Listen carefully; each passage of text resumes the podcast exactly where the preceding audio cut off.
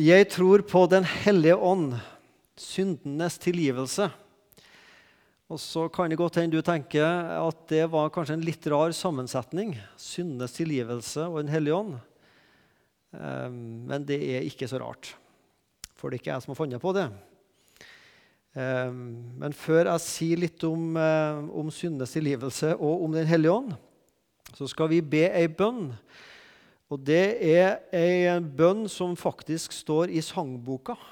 Ett vers, nummer 13 i sangboka. Og det lyder sånn. Hellig ånd og himmellue, kom og tenn mitt hjerte an. Så jeg Jesus klart kan skue som min Gud og frelsermann. Deg å elske Jesus kjær, er hva jeg meg ønsker her.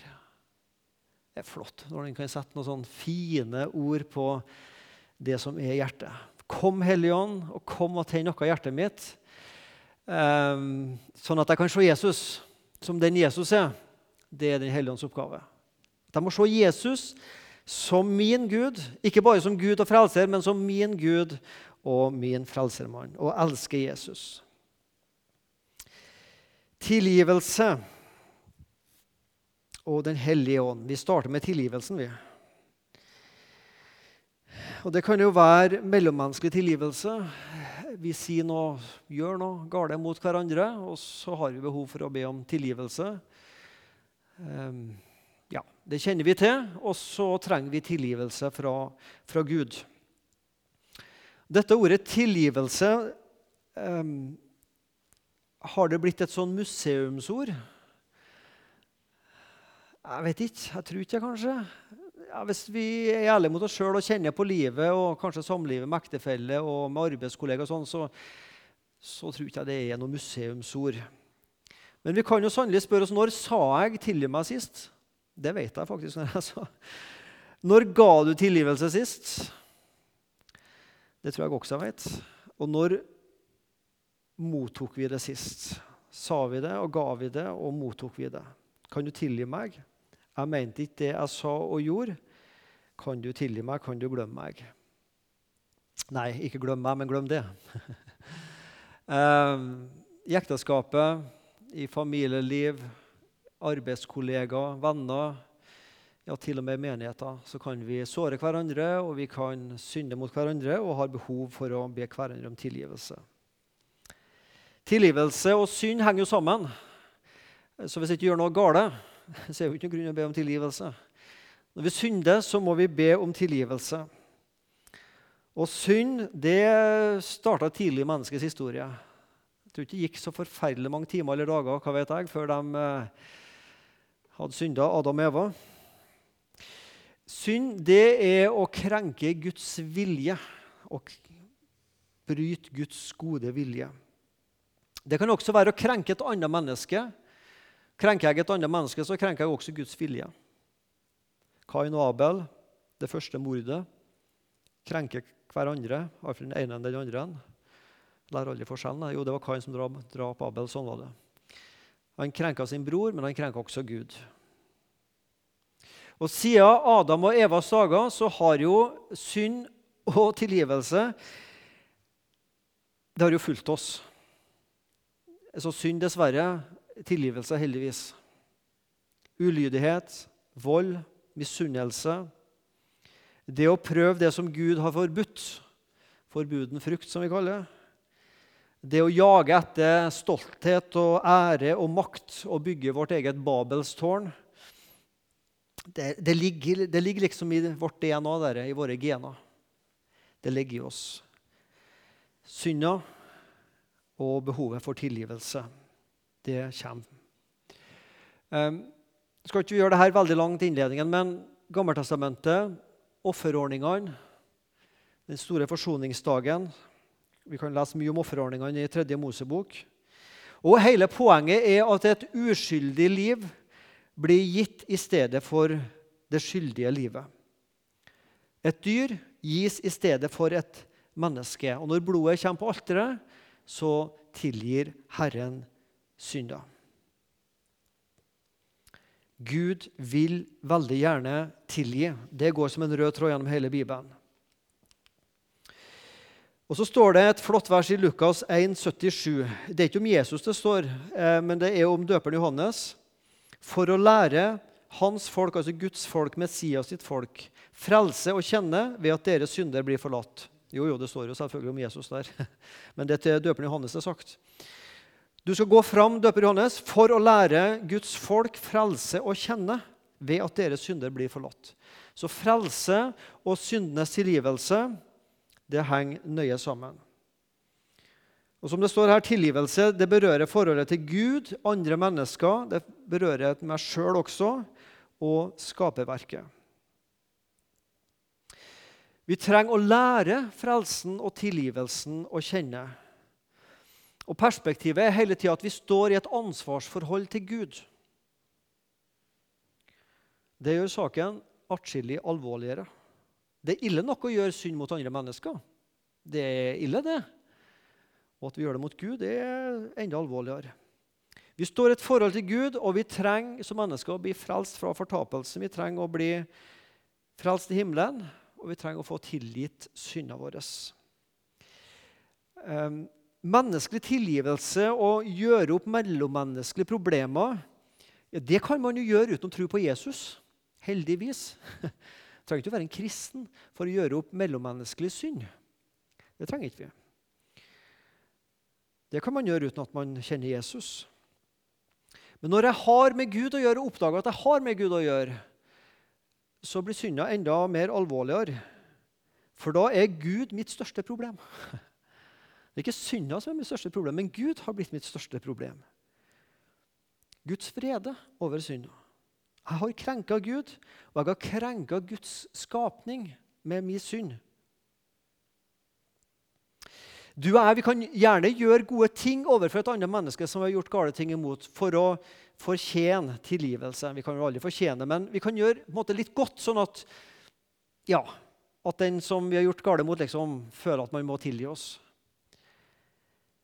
Men vi kan aldri gjøre oss fortjent til tilgivelse overfor Gud Uansett hvor mye jeg angrer og botsøvelser og offer og hva jeg måtte, prøve å gi tilbake til Gud, så kan jeg aldri komme dit at jeg kan kreve og forvente at Gud, du bare må ha med å tilgi meg. Tilgivelse det berører forholdet til Gud, frelse, evig liv. Det berører forholdet til andre mennesker i Fader vår, eller Herrens bønn, som vi sier, så står det 'tilgi oss vår skyld, slik også vi tilgir våre skyldnere'. Gud, du må tilgi meg, slik også vi skal tilgi dem som har gjort gale mot oss. Det å gi tilgivelse til andre og det å ta imot, få tilgivelse fra andre. Jo da, synd og tilgivelse handler om Gud, handler om andre mennesker. Det handler om oss sjøl. Det handler om at vi trenger å lære oss å legge fortida bak oss. Mange av oss drasser med oss ting fra fortida. Noen synder som vi har bedt om tilgivelse for 78 ganger. Eller 70 ganger 7 ganger. jeg vet ikke hvor mange ganger, men Det er liksom enkelte synder som du klarer liksom ikke å tro at du er tilgitt. Så må du be om tilgivelse forferdelig mange ganger for det. Vi, vi drasser med oss en sånn unødvendig bagasje gjennom livet. Det er som du skal på sydenferie og har med deg fem svære kofferter med vinterfrakker og alt mulig. Unødvendig bagasje. Hadde jeg bare ikke gjort det i ungdommen, så hadde livet sett annerledes ut i dag. Hadde jeg bare ikke sagt det til ektefellen, hadde jeg bare ikke gjort det overfor naboen og i menigheten. Vi trenger å tilgi oss sjøl, og tilgivelse berører også skaperverket. Det er ikke noe vi snakker veldig ofte om, men vi har kanskje blitt mer opptatt av det de siste ti åra, kanskje. Det her med miljø, det med å utnytte og ødelegge en klode. Og vi som er i Norge, er jo såpass heldige at vi tåler én og to stormer ekstra. Men det er klart, de som bor på en øye ute i Stillehavet og merker konsekvensene av miljøødeleggelsene Vi gjør ting som andre får konsekvenser av. Så synd og tilgivelse det handler om Gud, det handler om andre mennesker, det handler om meg sjøl. Og det handler også egentlig om miljøet, skaperverket. Så er det pinse. Og Nå var det en liten innledning om tilgivelse. Og så er det dette med Den hellige ånd. Jeg tror på Den hellige ånd, en hellig allmenn kirke, de hellige samfunn, syndenes forlatelse, legemets oppstandelse og det evige liv. Amen. Vi har trosbekjennelser, og dette er jo Den skal vi snart si sammen når vi skal ha nattvær. Den apostoliske trosbekjennelsen. Du har en som heter den nikenske. Og så har du en som jeg må alltid ta sats, for det er sånn språklig C-moment å si. Den atanas, atanasian... Det, hører det ikke ball her, vet du. Atanasianske. Det er så mye A der. Atanasianske trosbekjennelse. Det er sånn tre stolper som sier noe om 'dette tror vi på'. Og det er alle verdens kirker er enige om disse trosbekjennelsene der. Og i den apostoliske, som er den som mest brukes, så står det er syndenes tilgivelse eller forlatelse som står her, knytta til Den hellige ånd. Nå, nå, kan vi disse trosbekjennelsene mer eller mindre utenat. Jeg tror på, jeg tror på Gud, himmelens jordens skaper. Det er jo den enkleste, for det er den korteste. Men et lite tankeeksperiment. Hvis vi nå har satt opp Fader, Sønn og Hellig Ånd, og så har vi tatt alle disse andre settingene og strødd dem ut som et puslespill, og så har vi sagt prøv nå å pusle sammen disse brikkene og legg dem der de passer best. Himmelens og jordens skaper, jo, det må være, det må være Faderen. Han skapte jo. Det står at Sønnen Helligånd var med, men vi tenker Faderen. Men jeg er ganske sikker på at hvis vi har strødd utover alle disse allmenne kirke og hellige samfunn osv., så, videre, så ville de fleste av oss ha putta syndenes forlatelse på Jesus. ikke sant? Det, det er jo grunnen der det passer. Det var jo han som døde på korset. Det var jo der soninga for synda skjedde. Det er jo det som er grunnlaget for syndenes tilgivelse. Det passer jo egentlig mer på Jesus enn på Den hellige ånd. Hvorfor i alle dager er det putta akkurat på Den hellige ånd? Ja, Svaret på det er spør dem som har laga den, for det vet ikke jeg. De er ikke så enkle å spørre, for de levde for mange hundre år siden. Men jeg tror jeg kanskje vet litt om det. Hvorfor syndenes forlatelse er putta på Den hellige ånd.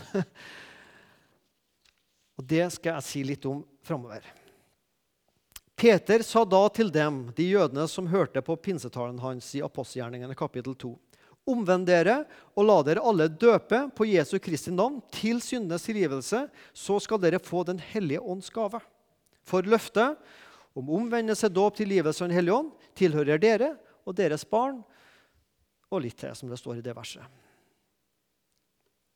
Vi synder mot Faderen og kommer i syndig gjeld til Gud Fader. Og Faderen sender Sønnen, som dør og står opp og vinner oss frelsesverket. Og Faderen og Sønnen sender Den hellige ånd, som vitner om frelsa, og som gjør frelsa personlig. Det ordet som du skal streke under i dag, er ordet 'personlig'. Den andre trosartikkel, 'Jeg tror på Jesus Kristus', det er på en måte påska som historisk hendelse eller Jesu liv og spesielt påska som en historisk hendelse. Tredje trosartikkel om Den hellige ånd det handler om at det gjelder meg og deg. At syndenes tilgivelse, forlatelse, det gjelder deg, og det gjelder meg, og det er personlig.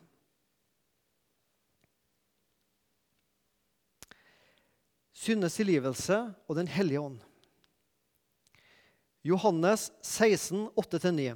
Og når Han kommer, altså Den hellige ånd, så skal Han overbevise verden om synd, om rettferdighet, om dom, om synd fordi de ikke tror på meg. Han skal herliggjøre meg, for han skal ta av mitt og forkynne det for dere. Den andre trosartikkel handler om påska som historiske hendelse. Men Den hellige ånd sin oppgave det er å gjøre at du og jeg forstår at syndenes tilgivelse det er noe jeg trenger. Det er ikke bare en teologisk dogme. Det er ikke bare noe alle de andre trenger. Men det er jeg som trenger det, og det er du som trenger det. Synder og tilgivelse må bli personlig. Det er Den hellige ånd sin oppgave. Skal, hellige ånd skal overbevise om synd og rettferdighet, om dom. Den hellige ånd har som oppgave å pirke i deg og meg. Og minne oss på også det som ikke er så behagelig. Han skal overbevise verden. Og dette ordet 'overbevise' det betyr å gå i rette med, å refse og irettesette slik at den anklagede blir overbevist, sto det i en oversettelse jeg leste. Den hellige ånd skal refse, irettesette, slik at du og jeg som er anklaga for synd, skal bli overbevist om sannheten i at jeg har synda. Den hellige ånd er talsmannen, og en talsmann er en advokat.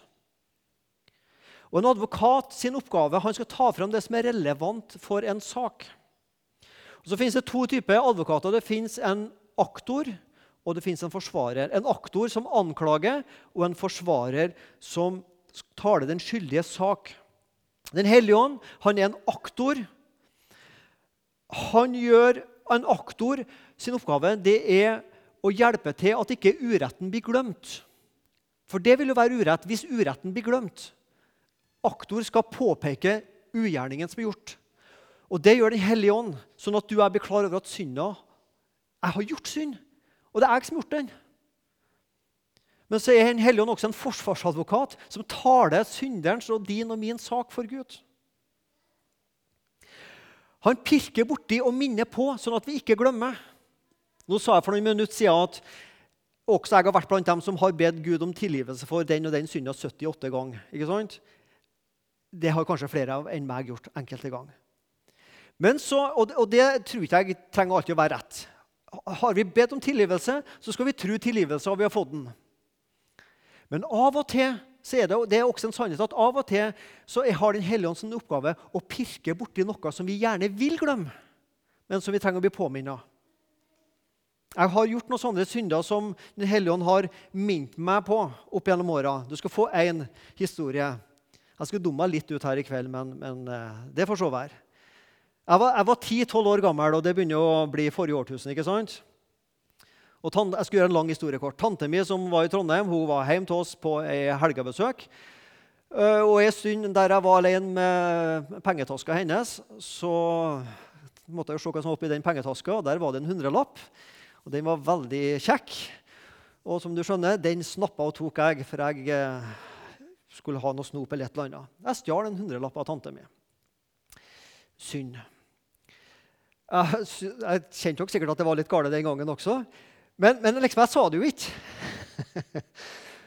um, og så glemte jeg dette her. Jeg har gjort mye verre ting enn det der i livet, så for all del, men, men likevel liksom, dette glemte jeg. Uh, så, men så Helligånd har minnet meg på det der. Så av og til når jeg traff tante mi så, så, så dukka den der opp. Så tenkte jeg skal jeg si det? Nei, nei, jeg, å, jeg kan ikke si det her. liksom. Og Så gikk åra, og, og, så glemte jeg henne. Men så plutselig så minnet Helligånden på meg når jeg var sammen med henne. Nei, nå kan jeg ikke si det. Nå har det gått liksom, 15 år, jeg er blitt en voksen mann. Kan ikke fortelle det nå. Sånn tenkte jeg. Jeg tror jeg var ca. 30 år, og jeg var på kaffebesøk til henne. Så dukka den der opp igjen, den hundrelappen. Dritens hundrelappen, altså. Den dukka opp igjen. Så tenkte jeg ok, nå er det så lenge siden at nå kan vi ta det liksom litt med en latter. tenkte jeg.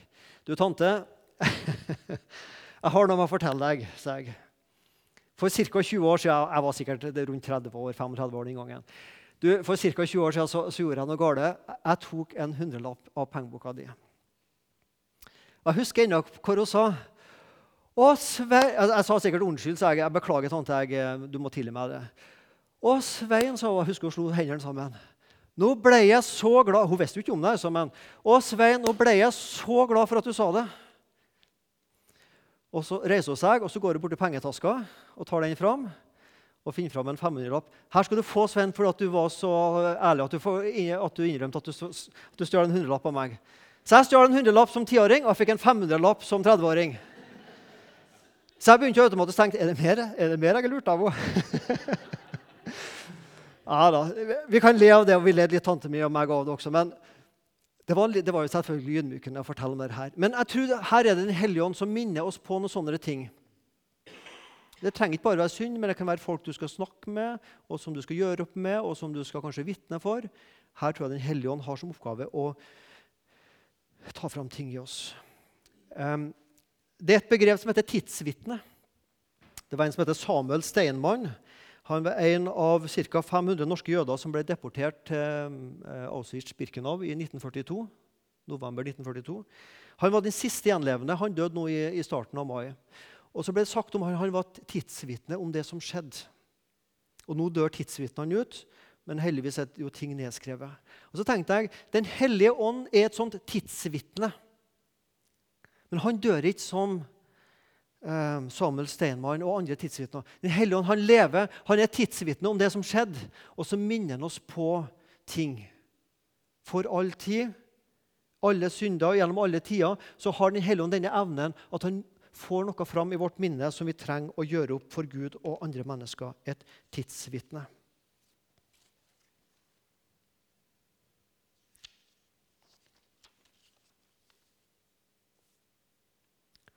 Den hellige ånd han vil gjøre ting, ikke bare ting, han vil gjøre synd personlig. Han vil gjøre nåden personlig. Han vil gjøre tilgivelse personlig, han vil gjøre Jesus personlig, og han vil gjøre kristentroa personlig. Det er kanskje ikke så ofte vi bruker det begrepet personlig kristen lenger, og mange har problematisert det, men jeg er veldig glad i det. Jeg er en personlig kristen, for jeg har et personlig forhold til Jesus. Han har ved sin ånd personlig vist meg min synd. Og han har vist at jeg personlig har behov for hans nåde og tilgivelse. Og jeg har fått et personlig forhold til Jesus Kristus. Når til syndes tilgivelse henger sammen med Den hellige ånd, så er det nettopp for at det skal bli personlig, det skal bli mitt, og det skal bli ditt. Synda mi. Mot deg alene, Gud, har jeg synda. Nåden, tilgivelsen, frelsa er mi. Og når jeg satt og tenkte på det her, så var det en sånn gammel salme. Jeg måtte bla opp i sangboka og se hvor gammel han var. Han var bare fra 1941, så det er ikke så veldig gammelt. da, men eh, Synda min, nåden og tilgivelse min. Men den sier noe om det her at det er personlig. Og tenk at det var for meg at Kristus på krossen hang. Nå ser jeg den livsens veg. Nå synger jeg den nye sang. En fallende, feilende syndetrel. Da, altså når man så det, da føddes på ny ved Guds selv. Min Jesus, hvor kunne du den lidingveg halla ut for meg, som i synd og gru så døden som siste slutt?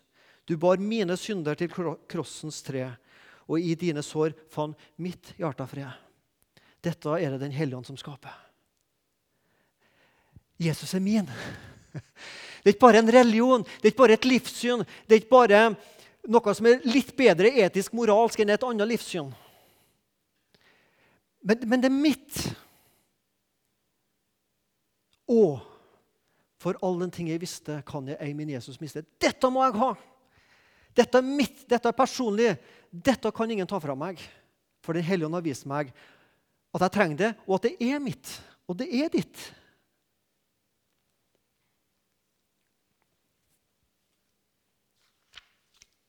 Den hellige ånd kan gjøre at Guds ord går fra å være bokstav til å bli liv.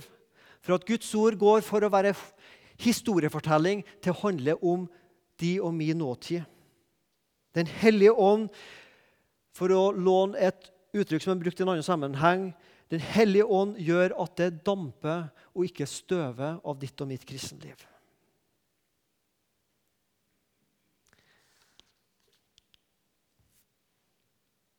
Kan du tilgi meg? Det er sterke ord, og det er sjeldne ord, og det er gullbelagte ord.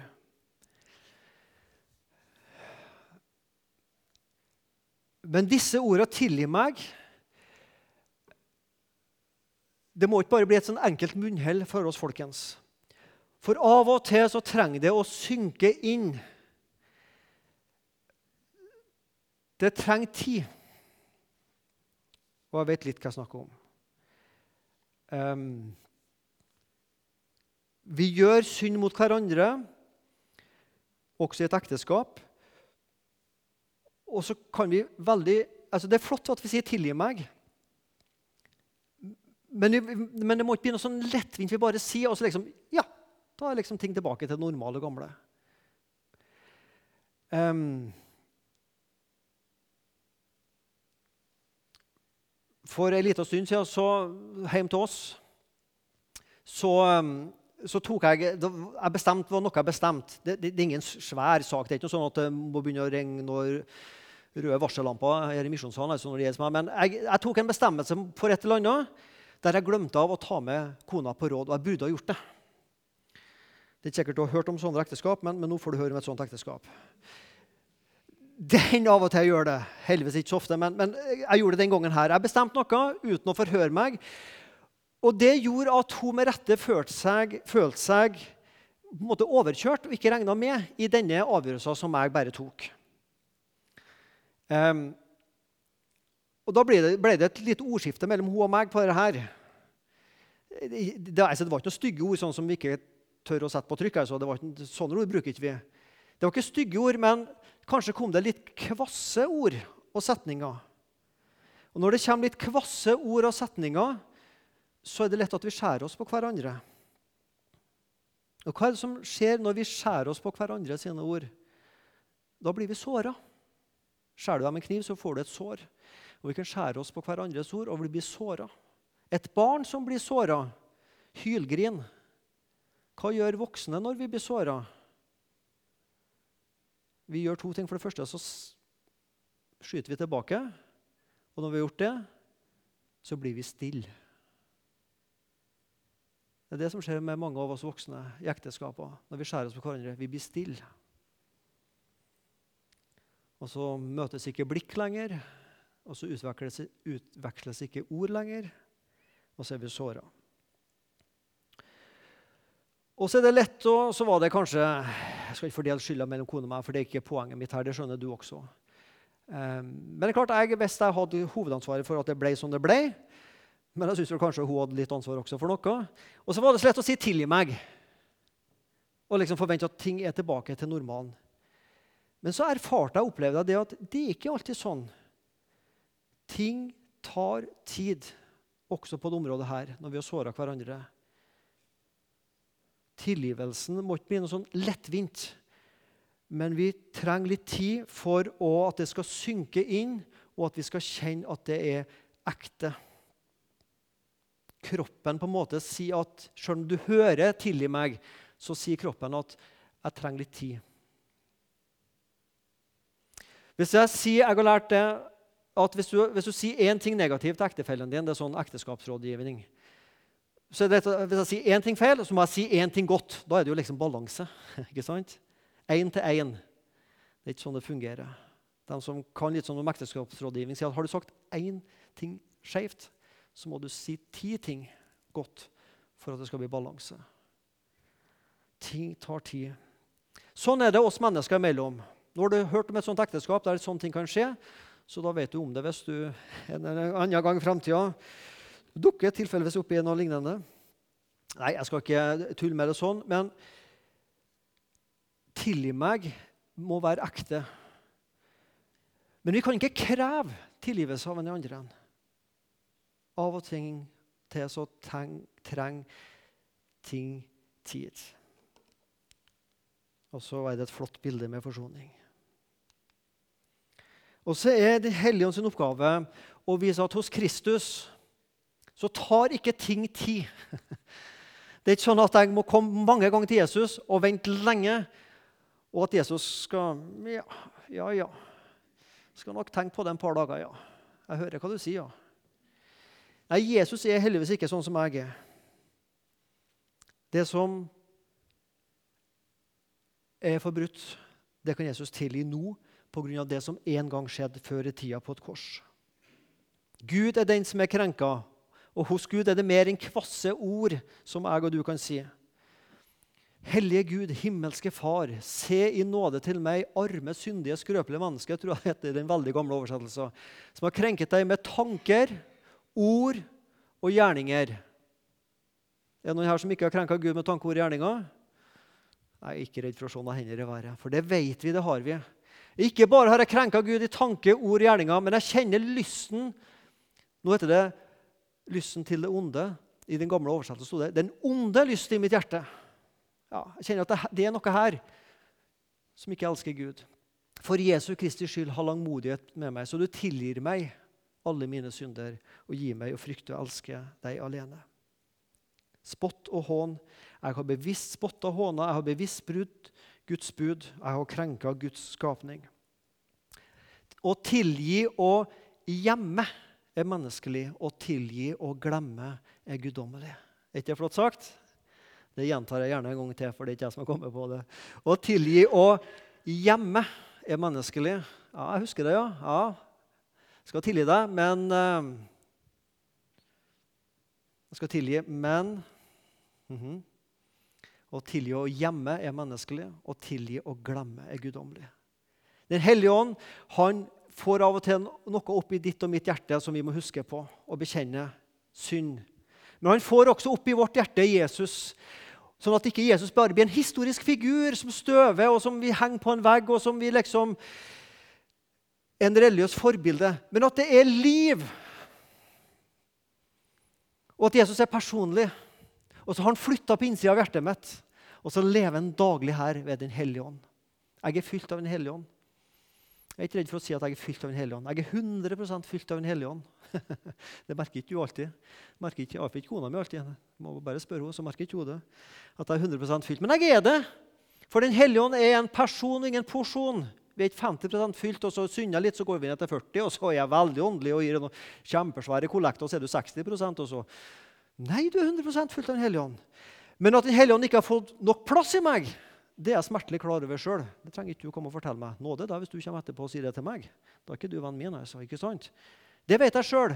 At Den hellige ånd trenger mye mer plass i mitt liv. Og det trenger sikkert i ditt liv også. Men at vi er fylt av en. For han kommer ved dåpen og ved troa.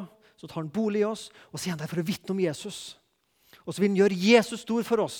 Så mitt håp er når vi går ut av huset her i kveld, så har vi en stor Jesus. Han skal vokse, og så skal jeg og du og vår synd avta. Kjære Jesus.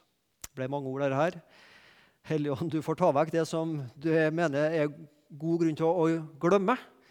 Og så får du eh, sette ekstra strek under og trykke under det som er verdt å huske Jesus, sånn at vi tar med oss ditt ord ut fra det møtet her.